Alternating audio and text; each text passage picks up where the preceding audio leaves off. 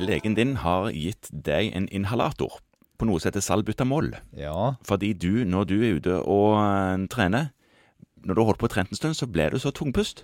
Sier du det? Ja, Du vet ikke om at du har noe astma, men du fikk altså denne medisinen, som du har forstått at er en astmamedisin.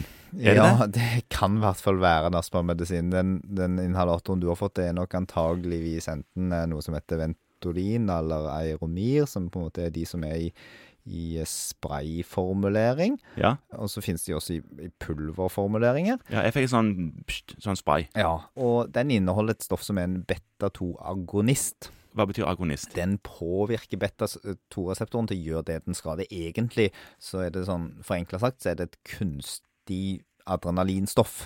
Som virker med å stimulere dette systemet. sti- Stimulere dette systemet, og det gjør da at muskelceller i luftveier utvider seg. Ja, men det, Du puster det jo inn, så det var jo ikke så Ja.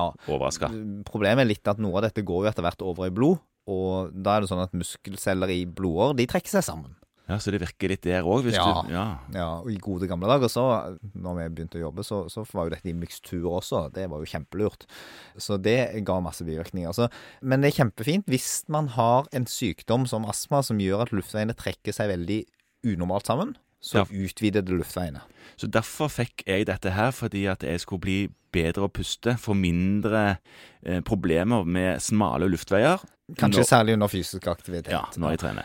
Effekten er det, og man får i seg mer pust, og så er det bivirkningen er på en måte alt det andre. For å prøve å snu det litt, så det som betablokkere skal hjelpe deg med, det hjelper denne mot. Ja. Ja, eh, fordi de virker på en måte på hver sin side av systemet. Salbutamol har ganske kort halveringstid, virker sånn eh, typisk eh, fire til seks timer. I hvert fall ikke lenger.